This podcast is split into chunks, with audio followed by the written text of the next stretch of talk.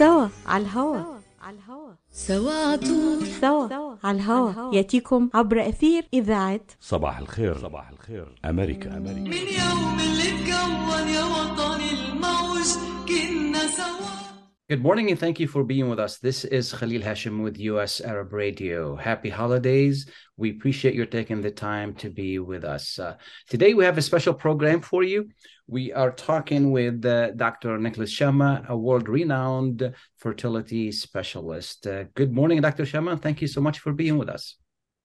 Uh, good morning to you and to all our beautiful listeners uh, across the US or wherever they're listening to us. Thank you so much. Uh, we haven't talked to you for a while. What we're going to do quickly is to remind our listeners to become familiar with you. Just tell us a little bit about you, what you do, the different locations that you have, and uh, you know, and give us a good refresher.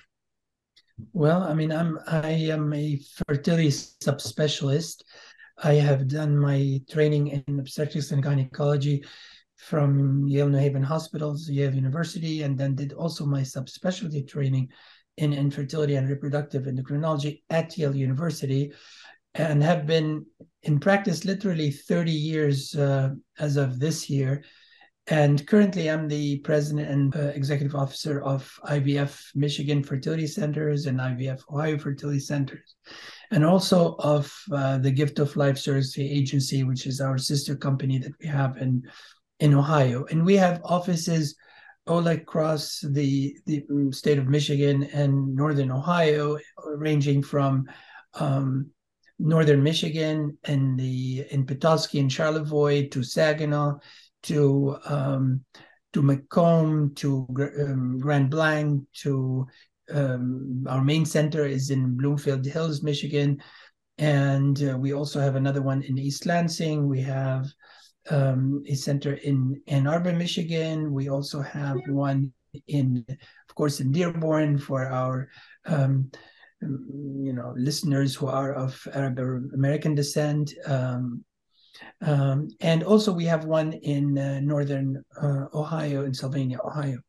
So, uh, and we're opening a, a uh, as of 2023, uh, God willing, we're opening a center. So it's going to open in May of 2023 in Grand Rapids, and it's going to be a major center similar to the one that we have in Bloomfield Hills.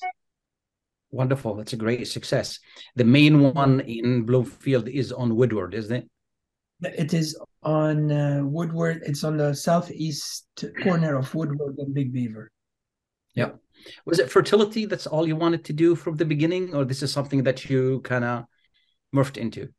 No, actually, I I mean I'm subspecialty trained in that field, so yeah, fertility Sure. is what I wanted to do. And actually, I was brought to Michigan to help develop assisted reproduction in in the area of our field because remember that uh, I mean the whole story about assisted reproduction in vitro fertilization didn't start into being till the late 80s in the United States and worldwide nothing was there since 1978 so that's when the first baby worldwide was born uh, in in London in in England so uh, and she you know currently now is uh, you know almost 44 years old A, a grown woman now. she's a, definitely a woman yeah, with with children of her own, I hope. I actually I'm not exactly sure if she has kids or she doesn't have kids. But to to tell you a story, I have actually this year was the first year that I've actually done an IVF procedure on somebody that I actually helped create uh, from an embryo. And so I, her mom was a patient of mine, did IVF back in 1993 and she came last year and i the the young daughter who was the product of that ivf procedure needed ivf herself. And she's in michigan she she lives in saginaw michigan. And currently she is very pregnant and due to deliver very soon so i mean that would that for me is my first Yeah, d- double success. Yeah, i don't know what you want to call it but certainly it's a it's a milestone Absolutely. What is it about I, I uh, IVF that that really uh, you know when when you talk about it, like your light, your your your face lights up, and it's it's you have a passion for helping people who really need help in that in that in that regard. I'll tell you, I mean, it's it's one of those fields in medicine that is very rewarding. It's rewarding in many sense. It's it's um, scientifically challenging, scientifically interesting to put it mildly, but also it involves taking care of young women and young men that are striving to have a family. And in my opinion, there is nothing more beautiful than creating or you know more babies and offspring and so on. So for me, it's it's a it has been something a passion of mine since the beginning, and the fact that you could see a major relief and a major satisfaction in the faces and in the, and in the, in the, behavior of, of patients that come in before suffering from infertility and after they become pregnant and especially after they deliver is insurmountable to a significant degree. So i mean I, it's that satisfaction that i see in the faces of my patients that gives me all the joy in what I, in what i do every single day so. Yeah. What's the biggest challenge in what you do? The challenge there are many challenges. I mean some of the challenges has to do with the fact that uh, the the procedure itself is demanding. It's demanding in terms of of the patients and demanding from us to actually help create the uh, the the the the setup so that it becomes successful and i think the most interesting and yet humbling part of the story is that it doesn't always work. I mean, thank God, at least in very, very good programs in our hands, I would say 95% of patients that come to us, Khalil, eventually end up with a baby. And I say eventually because it might not happen from the first time, but eventually they go home with a child, and that's where we get the the, the satisfaction and and and the the the uh, you know the wonderful things that happen as a result of that. But then then there is the few percentage of patients that cannot be helped or we are unable to help them. And in my opinion that creates a very big emotional challenge on our end and it's burdensome let me put it in perspective when i did my training at yale many years ago i mean 30 years ago as i mentioned earlier the success rate of an in vitro fertilization procedure was around 18%. So I would talk to five couples to maybe one of them eventually from one procedure for that person to go home with with a kid. Currently, I mean, if we do genetics on embryos, and we can talk about that in a little bit, I mean, 70 some percent, 76% of the time, a, a patient can end up going home with a baby from a single embryo transferred in a single procedure. So that is a dramatic difference. And therefore, we don't have to be in that situation where I have to, to be telling the couple or the patient or and their husband or her partner that you know what it failed and then we have to find out why it failed and so on so that is a major relief that i only have to do it maybe one out of every five patients as of 30 years ago, I had to do it four out of five patients in the past. And that's where the, the, the science and the technology. Yeah. What exactly is, it, is it technology that's better now? That that's how uh, well, to help everything. I mean, it. I'll tell you something funny. In the beginning, it was the Wild West. Yeah. I mean, IVF, because we didn't really know. We didn't have data on humans. Not a single patient before 1978, before Louise Brown was born, we didn't have any idea how to do it in humans. So since then, and I can tell you that, uh, for instance, at Yale, where I trained, we had the second baby born in the United States from IVF. So to make a long story short, we didn't know how to do things. We didn't know what conditions need to be in the laboratory. What, how do we do certain things? And we're talking about human life here. I mean, potential human life. We're talking about not like working in, in a lab somewhere and, and, and doing experiments because we can't experiment on humans. So to some degree, a lot of things we did or didn't do was by trial and error. And eventually science caught up and allowed us to do studies that are randomized, prospective, so that we can come up with, with answers to questions that we posited at any point in that process. It's really great to uh uh, to be able to help uh, you know individuals who are uh, you know wanting to have a child and and are, are unable to and I'm, I can't imagine the joy you know, or or you know, I, I want to focus on the joy. This is this is the more positive. Well, yeah, know, of course. it, of it, course. it, then then the disappointment for you know with, with some of the people who really don't and end up not going not going home for uh, you know with with the with the with a child so um, um and i'm sure there there there's some stories that you have uh, you know those that you wish you had been able to but you know things didn't work out I, eventually, I'll tell you, I'm going to write a book about all the situations that that I had to deal with over the years that are uh, interesting situations. But that I'll do it after I, you know, stop. Uh, you retire After I stop and just to put things in perspective, remember that since I think 1987, which is basically when IVF became developed in the United States to some degree, where we can offer it to people.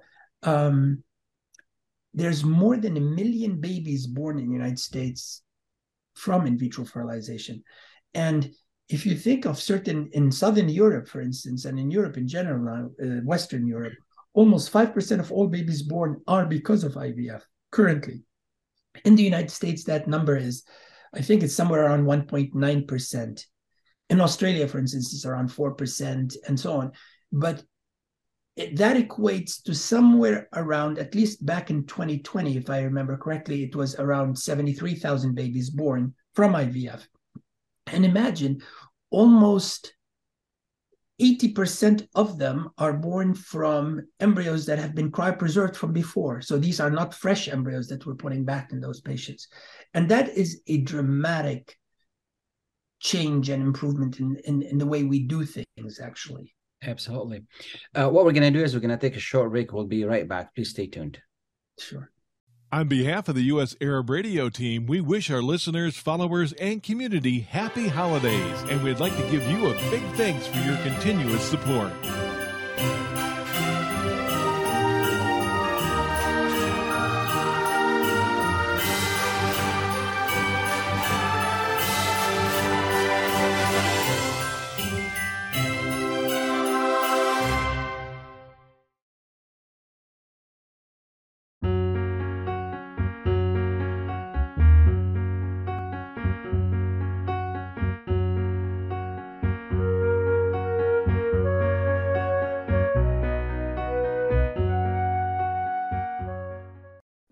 مراكز اي في اف للخصوبة وأطفال الأنابيب تستقبل مراجعيها في بلومفيلد هيلز ومراكزها المنتشرة في ميشيغان وأوهايو. فريق من أمهر الأخصائيين في مجال التلقيح الاصطناعي. يعتبر دكتور شما أخصائي الأمراض النسائية والتوليد من أمهر استشاريي الأمراض التناسلية والعقم بخبرة أكثر من عشرة آلاف عملية طفل أنبوب. رعاية طبية ممتازة وتفهم عميق للأثر العاطفي والنفسي لتأثير العقم على الحالة النفسية لمزيد من المعلومات اتصلوا على 248 952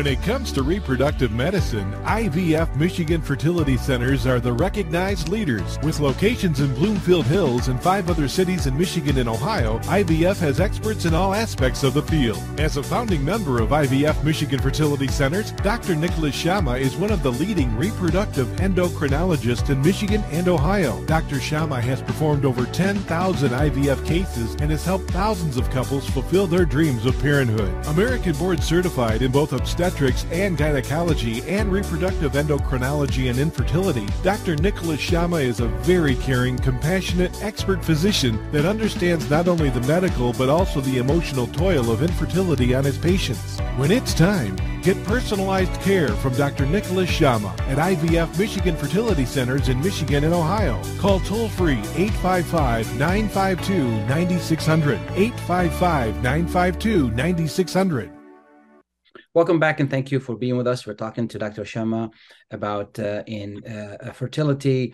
Uh, Dr. Shama, the last three years or two, two, two and a half years have been very challenging. You know, with Corona and and and um, COVID and and and you know, uh, it it really challenged everyone. first let's let, give us a quick update where are we now you know are, we have like a triple demic they say or, or where, where are we now and how how is it really affecting your what you do Yeah, I mean, it's actually interesting that you you asked that question, Khalil, because those past two years, and we're still in it. Those past two years have been, uh, um, if I'm going to say, demanding on us is an understatement. I mean, COVID hit us back in March 2020, and I'll tell you, we didn't have any at that time in the United States and in general, and in our field, like all other fields of medicine, we didn't have standard operating procedures in place to know how to deal with a situation like this. exactly We didn't know. And remember, in the first year, 2020, we didn't have any vaccines till December, actually, till January 2021, that we had a vaccine that became available. So we didn't have vaccines. We didn't have any technology to deal with it. We didn't know what we need to do in the lab, and and we had all those situations that were were almost uh, anxiety provoking to a significant degree. I'll give you an example. We didn't know, for instance, what we need to do to protect ourselves and our laboratory personnel. Remember, I mean, I have PhDs in the lab. I have I have personnel in the lab. If something happens to them, how are we going to be able to deal with the embryos? How are we going to be able to to manage embryos that if you do not cater to them and treat them with with tender love and care to put it mildly then they won't develop. And they might die. Yeah. And we had issues for instance with liquid nitrogen which is the the uh, I mean, we have we, all our embryos are frozen as if they're frozen on the surface of Saturn. Actually, it's the same same temperature, minus 170 degrees Celsius. So we needed liquid nitrogens, and and I was worried and almost petrified that at some point in time, I the the the the liquid nitrogen tanks are not going to come. So we had to actually put in place technologies to generate our own, for instance, liquid nitrogen on site because I was worried that not only that we won't have it, but then the or the personnel might not have it, or the delivery systems might not be there. So we had to to put things improvise. In, yeah, forget to improvise. We had to develop technologies to be able to deal with those situations that that were uh, unheard of. And then, I mean, we had almost we we closed shop for almost a month and a half for me to put those SOPs standard operating procedures in place so that I can actually have a safe environment for us, for our patients, and for the laboratory personnel, and of course for for our you know biological products, which are in this case Sure. all potential life. So I mean that was that was a major ordeal, and thank God for vaccines. The sad part about those vaccines is they became politicized to a significant degree. And then women that were trying to get pregnant and men who are trying to get to make their wives pregnant or their partners pregnant were also bombarded, I should say, with misinformation or disinformation that basically put them, made them worried that maybe they shouldn't take whatever vaccines that are available. And it turned out that COVID is worse for fertility than the than any conceivable concern related to the vaccines. So so we had to deal with that. And still to this day, almost 40% of our patients are not vaccinated. when Now- you say when you say it's worse, uh, COVID is worse for uh, uh, the the treatment than any anything else. What, what are you talking about? What I'm saying is that women that are pregnant Mhm. are compromised. That's why Khalil, they Okay. don't inject the baby. Sure, So, sure. so among the risk factors for developing severe COVID is somebody who's older, somebody who's That's immunocompromised, true. That's true. somebody That's true. who's diabetic, somebody who's hypertensive. The fact that you are pregnant or somebody is pregnant puts them in that same subcategory Yeah, of yeah. And especially if you think about it, that two thirds of women currently in the United States are either overweight or obese. Add to that, some of them, six, 10% of them develop pregnancy induced hypertension.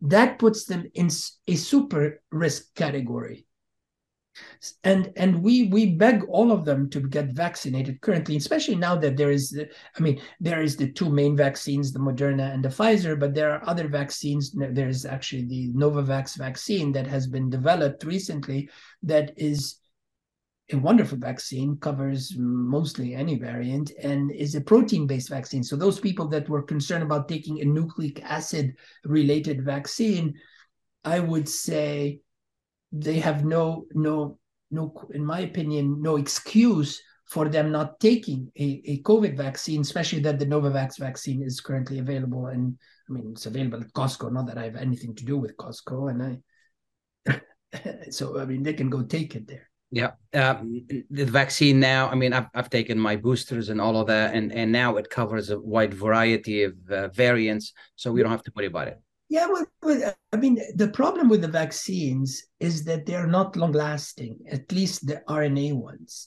So they only last for a few months, and then the variants come in, and then they become not as efficient effective to some degree. So that's why we need to keep up getting vaccinated. It's not that we took one okay, like a year and a half ago, and we're like protected because we're not protected, probably.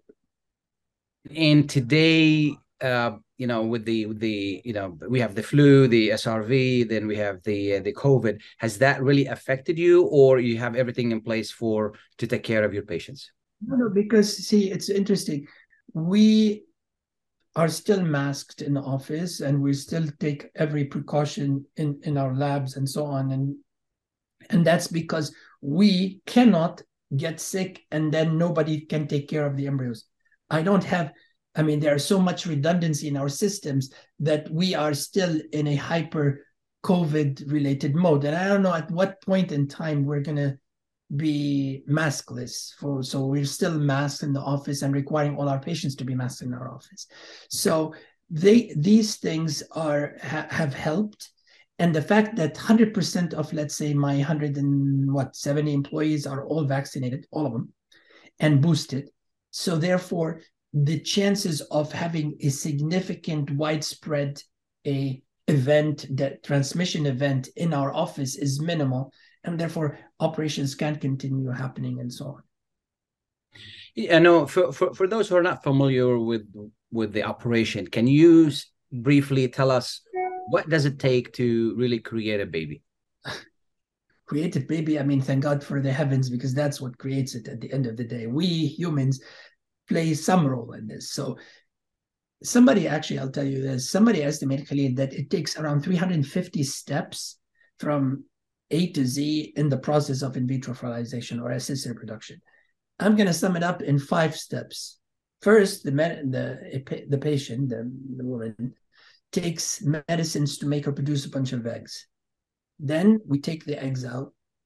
Then we try to fertilize those eggs one way or the other, creating fertilized eggs or embryos. Then we develop the embryos into some stage where they can be transferred. And finally, the fifth stage is we put the embryos into somebody's uterus.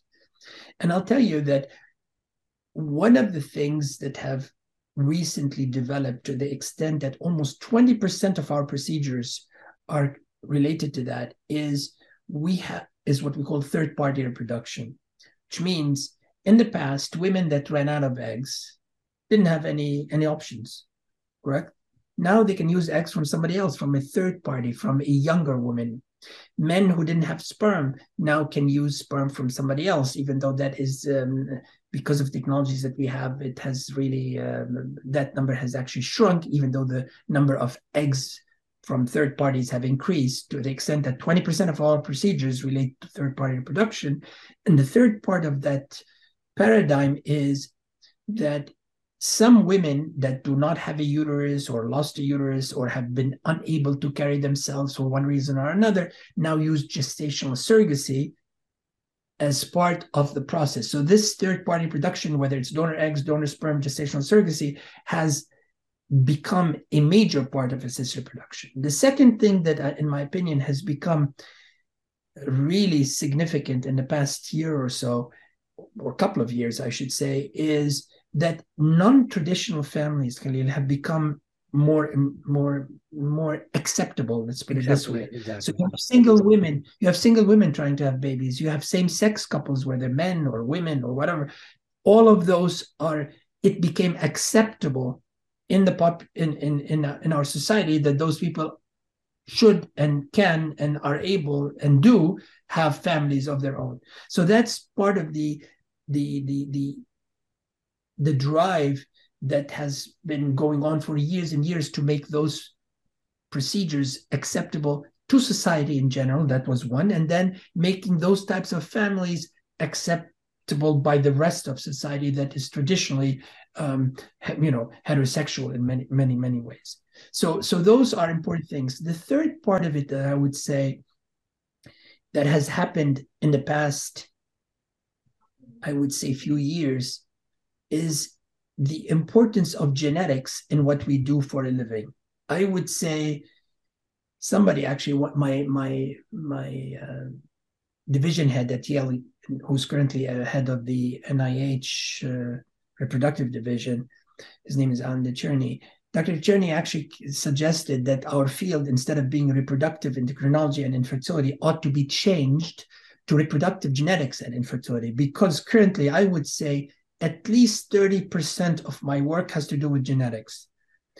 And to explain this, in the past, before before to... before you explain that, let, let's take a short break and we'll be right back. Sure. Please stay tuned. Sure.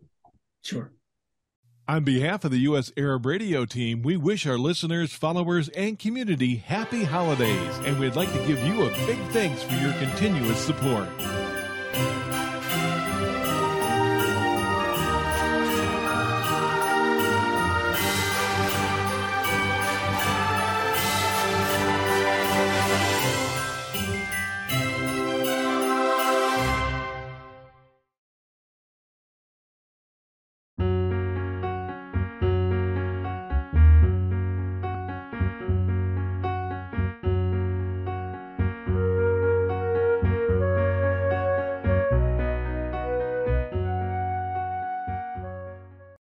مراكز آي في إف للخصوبة وأطفال الأنابيب تستقبل مراجعيها في بلومفيلد هيلز ومراكزها المنتشرة في ميشيغان وأوهايو.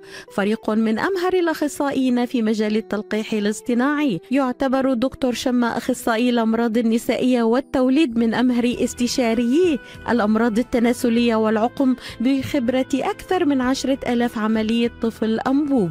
رعاية طبية ممتازة وتفهم عميق للأثر العاطفي والنفسي لتأثير العقم على الحالة النفسية. لمزيد من المعلومات اتصلوا على 248 952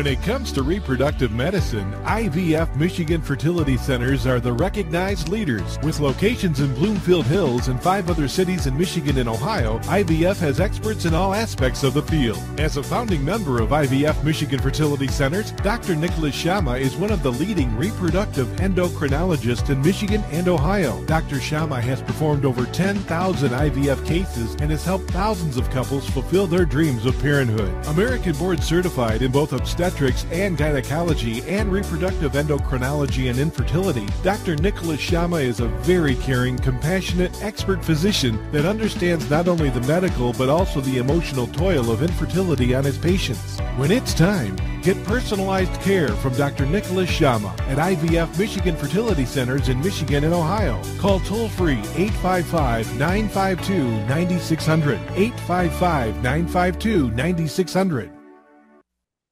Welcome back and thank you for being with us. Uh, this is Khalil Hashim. We're talking to Dr. Shama. Dr. Shama, before we went on a break, you were talking about genetics and and and you know how much it plays a role in what you do. Um, um, just want you to pick up where we left. So as, as we said, one of the changes that's been happening in our field is that the move or the change into having more genetics being part of what we do for a living. So let me explain that. In the past, we used to put embryos that seem to look good, correct? I mean, they look good in the lab. They're day five or day six blast. Blast is meaning it's a day five embryo. We used to put those and hope for the best. And sometimes we used to put more than one to allow implantation to happen. And then we realized that if you take, for instance, a fertilized eggs, generally speaking, for that egg to become an eight cell embryo, in the process, somewhere around 30% in good labs of those embryos are lost. And then among those that become day three, somewhere around, I would say, um, another maybe 40% are lost. So in total, a lot of them are lost, which ends up with somewhere around maybe 50% of the embryos developed to day five. But then those embryos, we didn't know that they were genetically normal or not. And we knew that as women age, two things happen. Their success rate dramatically go down. And if I want to put that in perspective, if you take, for instance, somebody who is less than 35 compared to 35 to 37, there is a 15% drop in that age group. And from that to, to 38 to 40, another 15% drop in success rates or live birth rate. And the main reason is that the number of embryos that are genetically normal diminish as women grow older. So we tend tended in the past to put more embryos to offset for that genetic concern. Now the problem was is that we didn't know which one are genetically normal or not. So nowadays, one of the main issue with genetics helping us is that now we can check the embryos, we can test them genetically before I put them back and and then put only one embryo at the end of the day. And the advantage of this is significant. Let me tell you the advantage. The, the before I tell you the advantage, I want to tell you that, some numbers that are interesting. If you take a 35 year old, half of her embryos are genetically normal. If you take a woman that is somewhere around 40 years old, only 25% of her embryos are genetically normal. If you take a woman who's 42, almost only 20% are genetically normal. And they all look similar, those embryos and I cannot tell. So therefore, I am able by doing genetics to pick the genetically normal embryo, increase my pregnancy rate, and at the same time minimize, almost eliminate the possibility of having multiple gestations. And the problem with that is that I don't have to put more than one embryo to get a 76% delivery rate and and that allows the patient to do a lot of things. Instead of doing multiple cycles and not knowing what's happening with that are financially demanding emotionally demanding and also what i call temporally demanding because then they get older if things don't work out we can just put one embryo achieve a very high pregnancy rate and almost eliminate multiple pregnancy rate. And the problem with multiple pregnancy is think about it this way. If we have twins compared to singletons the chances of a baby in a twin pregnancy has almost 10 times more the risks of cerebral palsy and almost four times risk of risk of infant mortality mainly because of prematurity. And almost 50 to 50 to 60% of those twins will de- de- deliver prematurely. And we know that that equates to lower IQ in those kids that are born prematurely. You think about it this way almost the gray matter in our brains increases by 50% in the last month of pregnancy. So if you were born at, at 36 weeks instead of 40 weeks, that 50%, you don't get it.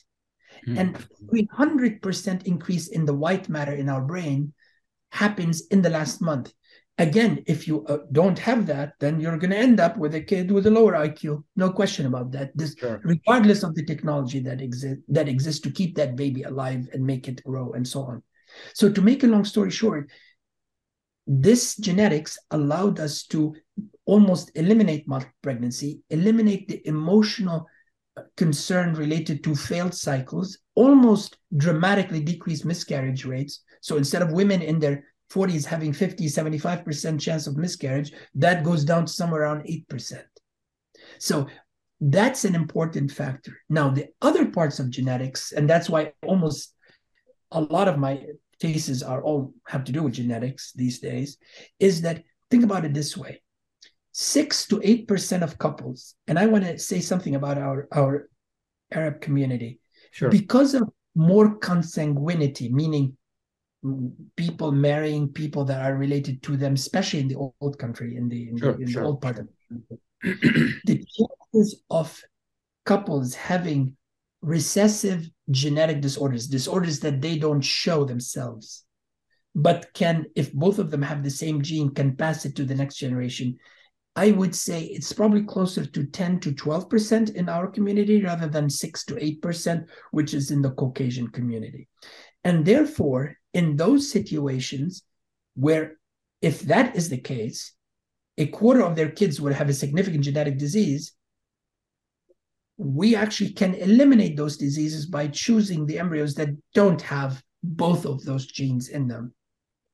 And that is, I would say, maybe somewhere around 5 10% of our cases that we're doing today have to do with what we call pre implantation genetic testing for specifically those types of monogenic disorders, ge- genetic disorders that are related to either the parent and, um, and both parents have the same gene, or one of them has a dominant gene that we're trying to prevent in the next generation. So that is a major thing. And lastly, as far as genetics is concerned, Khalil, the other thing has to do with in women that have repetitive implantation failures because of genetic concerns related to the parents, we can actually again choose the embryos that don't have what we call translocations or deletions or inversions that one or, or both one or both of the parents have and and choose the embryos that are free of those disturbances and therefore allow an implantation to happen and a baby to be completely normal at the end of the day. Maybe Dr. DeCherney is right to, to change it to uh, genetics. i'm telling you uh, mean, he, he, he's always been i mean he's he's older now and yet he's i mean god give him long life longer life even uh, the the he moved to the NIH from Yale years, you know, uh, had a stint in California. But to make a long story short, he's always been visionary in many in many ways. And that, so who knows if they're going to change the name of our field? But How long is the duration for the treatment? the treatment actually depends. There are so many subtypes of the treatment. What I mentioned to you in terms of those five steps out of the 350 has to do with the standard IVF. It's not when we generate embryos in one place, put them in another place, or using uh, eggs or sperm or whatever from other sources. But generally speaking, a standard IVF cycle is simply around 14 days to, to or so to generate the embryos. We take the egg to have those embryos, we have to take the eggs first, and that's a six minute procedure that happens in the laboratory and in the operating room. And then we take those eggs, we microsurgically fertilize them a lot of times by injecting the sperm inside the egg. Make and then the patient, I mean, doesn't have to do anything. So those embryos are developed into into day five or days embryos or so, and then either a fresh embryo is put into the uterus. So we're talking about 14 days plus five days, around 19 days. And the way you put the embryo back is a very simple procedure done in the again in the operating room, but takes around five minutes. The other one takes around, at least in good hands, six minutes or so. And literally that is it. Now, if the embryos are frozen because we need to do genetic testing on them, because we do the genetic testing by taking few cells out of each and then they're all frozen. It takes us a, 10 days or so to get the results. So all of those embryos are frozen. That's why I shared with you that almost 85% of all babies born in the United States are because of thawed embryos that have been initially frozen.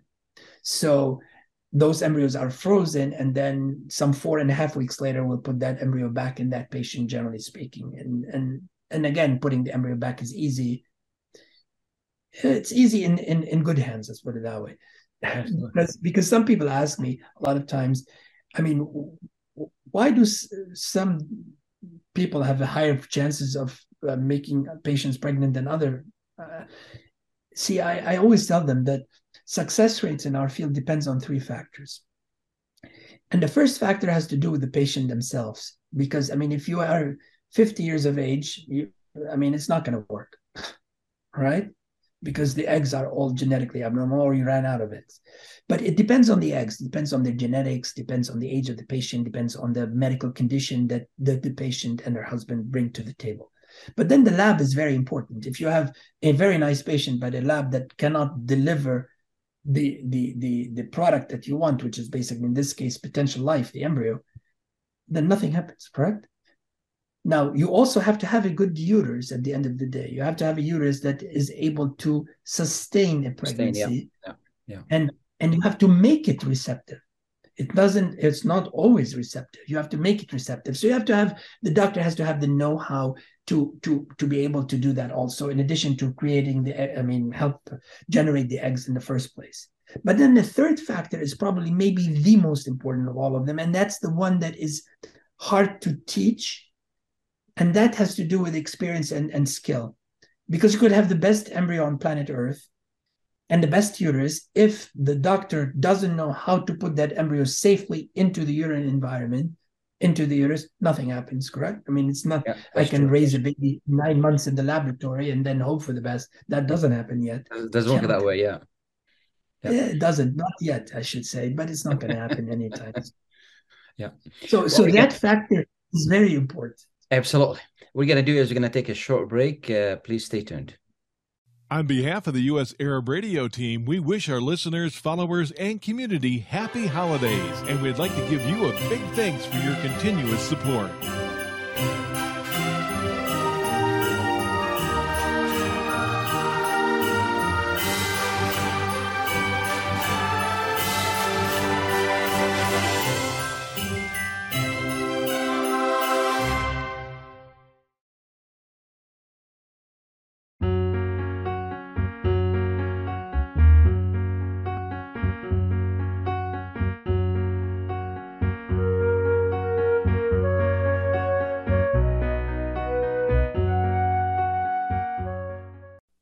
It comes to reproductive medicine, IVF Michigan Fertility Centers are the recognized leaders. With locations in Bloomfield Hills and five other cities in Michigan and Ohio, IVF has experts in all aspects of the field. As a founding member of IVF Michigan Fertility Centers, Dr. Nicholas Shamma is one of the leading reproductive endocrinologists in Michigan and Ohio. Dr. Shamma has performed over 10,000 IVF cases and has helped thousands of couples fulfill their dreams of parenthood. American board certified in both obstetrics and gynecology and reproductive endocrinology and infertility, Dr. Nicholas Shamma is a very caring, compassionate, expert physician that understands not only the medical but also the emotional toil of infertility on his patients. When it's time, get personalized care from Dr. Nicholas Shamma at IVF Michigan Fertility Centers in Michigan and Ohio. Call toll free 855 952 9600. 855 952 9600.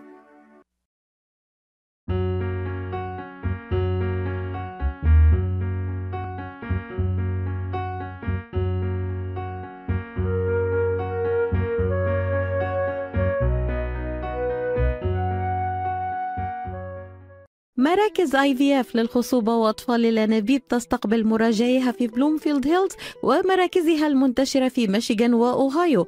فريق من أمهر الأخصائيين في مجال التلقيح الاصطناعي. يعتبر دكتور شما أخصائي الأمراض النسائية والتوليد من أمهر استشاريي الأمراض التناسلية والعقم بخبرة أكثر من عشرة آلاف عملية طفل انبوب رعاية طبية ممتازة وتفهم عميق للأثر العاطفي والنفسي لتأثير العقم على الحالة النفسية لمزيد من المعلومات اتصلوا على 248 952 9600 248 952 9600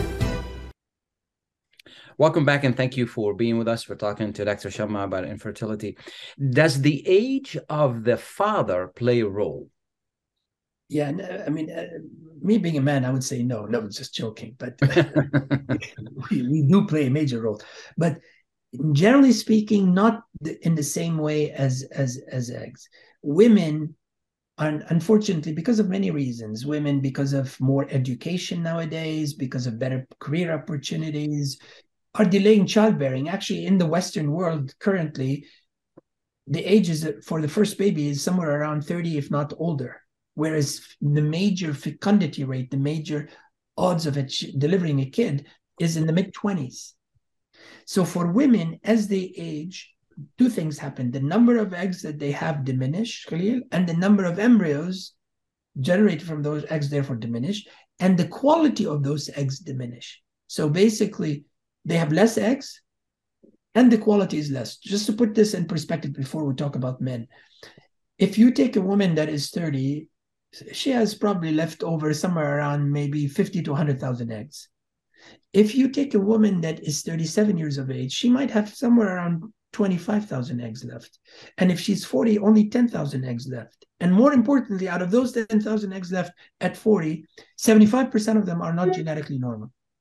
So that is why fecundity, which is the chance of delivering a healthy child, diminish as one gets older and the rate of chromosomal abnormality, genetic abnormalities increase when women as they get older.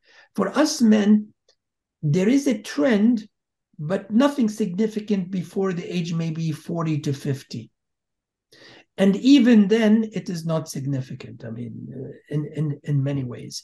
So, yes, genetic plays a role to some degree in men in terms of having more DNA breaks and so on. And DNA is the genetic material that we have, but not even close to what women have going older. We know that some men, even in their 70s, can father children. Father So- children, yes, true. Yeah, yeah, yeah. My neighbor is actually was 75 in in in the old country and and and he got married and father a child and now he's uh, he's a genius.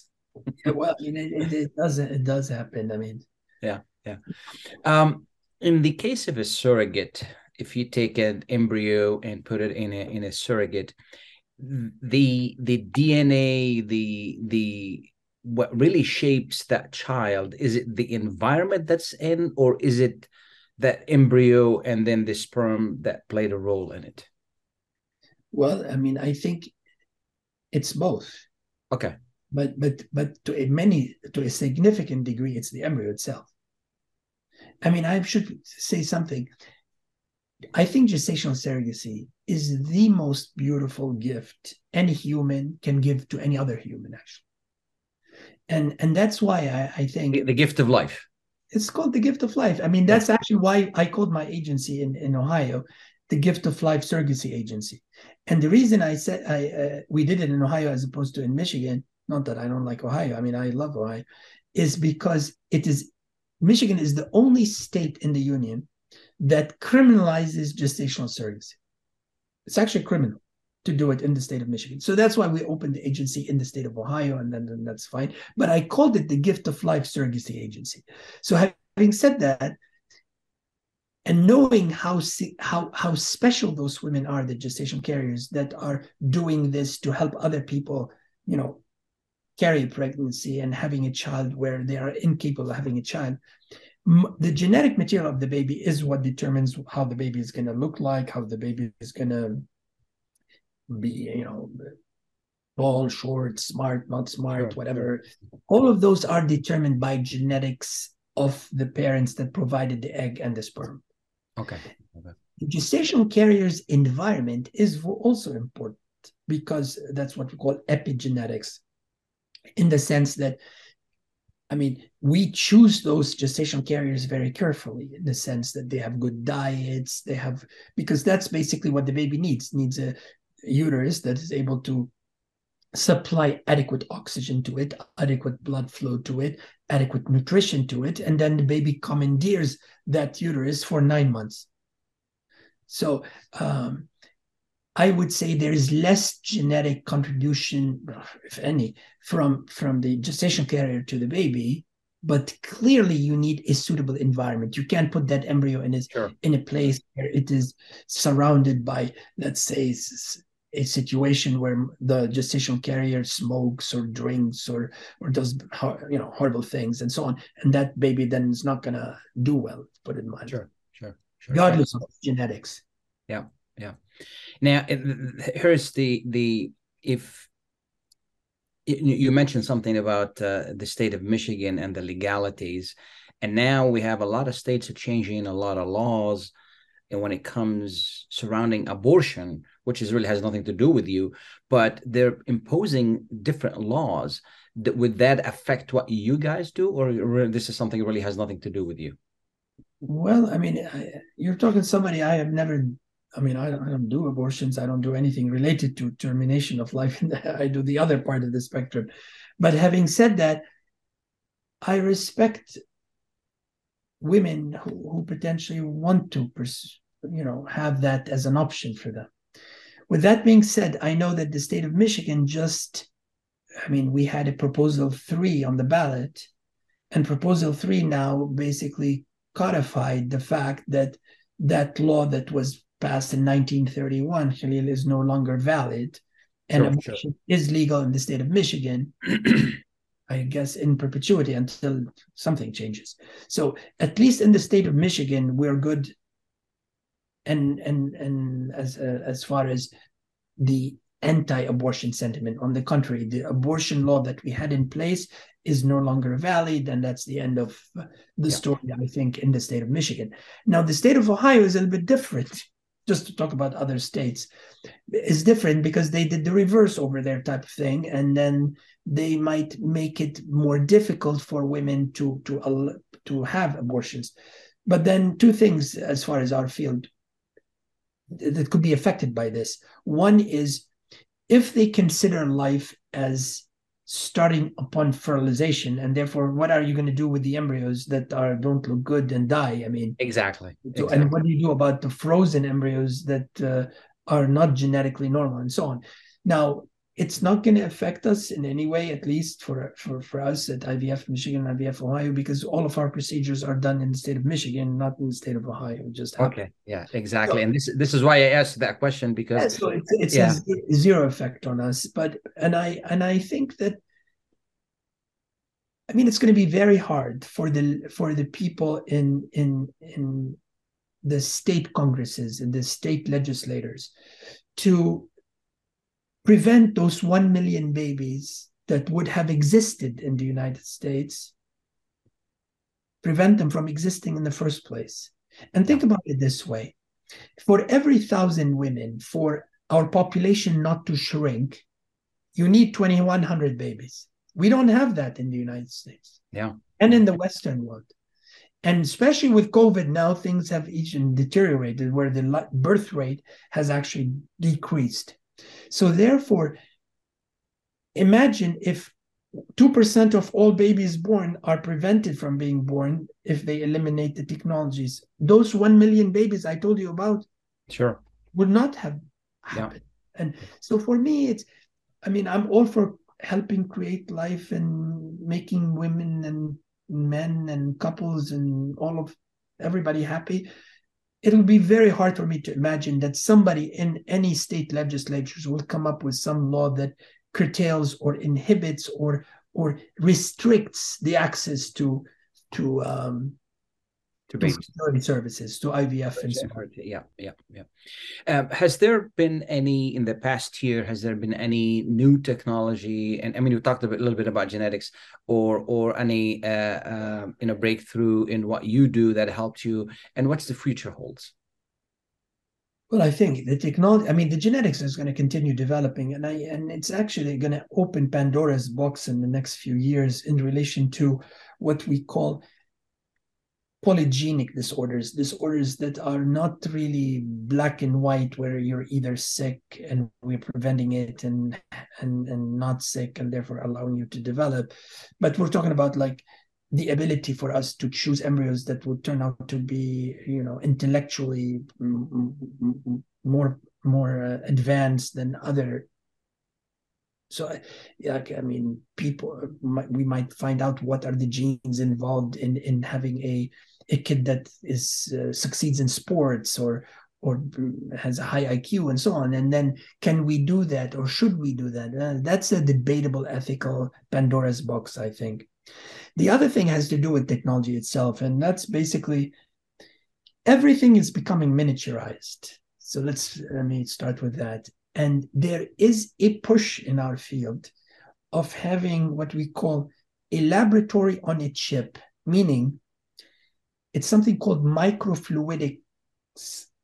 Microfluidics is a is a is a science that miniaturizes the fluid environment within which early embryos develop and early sp- and sperm can be sorted and so on and we're moving from big incubators to smaller incubators to even now microchips allowing those embryos to develop in and that changes the geometry of the environment within which that embryo lives and allows that embryo to be able to live by itself in those very controlled environments without humans playing a major role. So that is a major advance, advancement that's going to happen in the next five to 10 years that's going to sort of dramatically change the way we do things in the laboratory.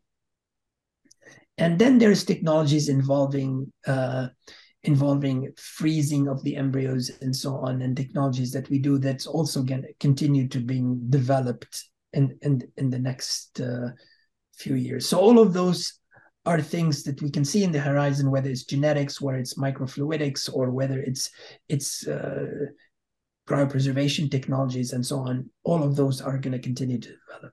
Absolutely. As far as accomplishments uh, in the past year, uh, what what are you so proud of? Uh, you know, uh, anything to point out?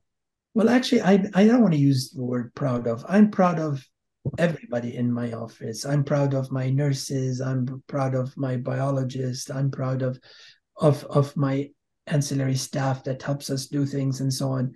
But I'm actually more than proud. I'm grateful. Exactly. I'm grateful that that we were able, despite this horrible pandemic or whatever tri pandemics with the, coming up with the RSV and, and with the influenza and so on, that we're able to continue offering those services for patients. Because remember something, I cannot stop time. I cannot stop women from becoming older, correct? Sure. And that is something we cannot just say stop and we'll see you in two years, because in two years it will be too late sometimes to a lot of patients. Yeah. Yeah. So so I am thankful that whatever it is we put in place to allow us to continue and pursue and offer those services to our patients have have allowed us to continue in our in our success and and i'm i'm i'm actually literally gr- more grateful than and and and then and thankful than than than proud absolutely is there anything i haven't asked you that people need to know it's a 30 year experience in science and, and practice. There's a lot of things he didn't ask me, and we can leave those for other times and whatnot. Sure, sure, but, sure. but I think I want to take maybe a few seconds to Yes. tell everyone um, a very happy holiday season, and may God make 2023 a beautiful year where if they have dreams, for that dreams to happen, and if they have fears, for those fears to dissipate, and and God bless all of them. Absolutely. I want I want to thank you so much for taking the time to be with us. Uh, it has always always a pleasure. You know, I do uh, ever since I start talking to you, I pay a lot of attention to uh, IVF and when it's in the news, I read about it and I read about it sometimes and and and I learned a lot from you and uh, this is uh, you know this is this, it's really a magical magical field I just can't imagine uh, the the joy when people come to you and then they they end up uh, you know going home with a baby. I mean, it's not. I'm, I don't want to make it sound like shopping, but uh, you know, it's when when when things work to, to their advantage. And thank God it does a lot of times. So on to that on that note, best holiday season in the world, and and and may God bless all our patients and all of you. Absolutely. Happy holidays to you and your family. Thank you so much. Bye bye. We Bye appreciate it. Thank you. bye. Bye now.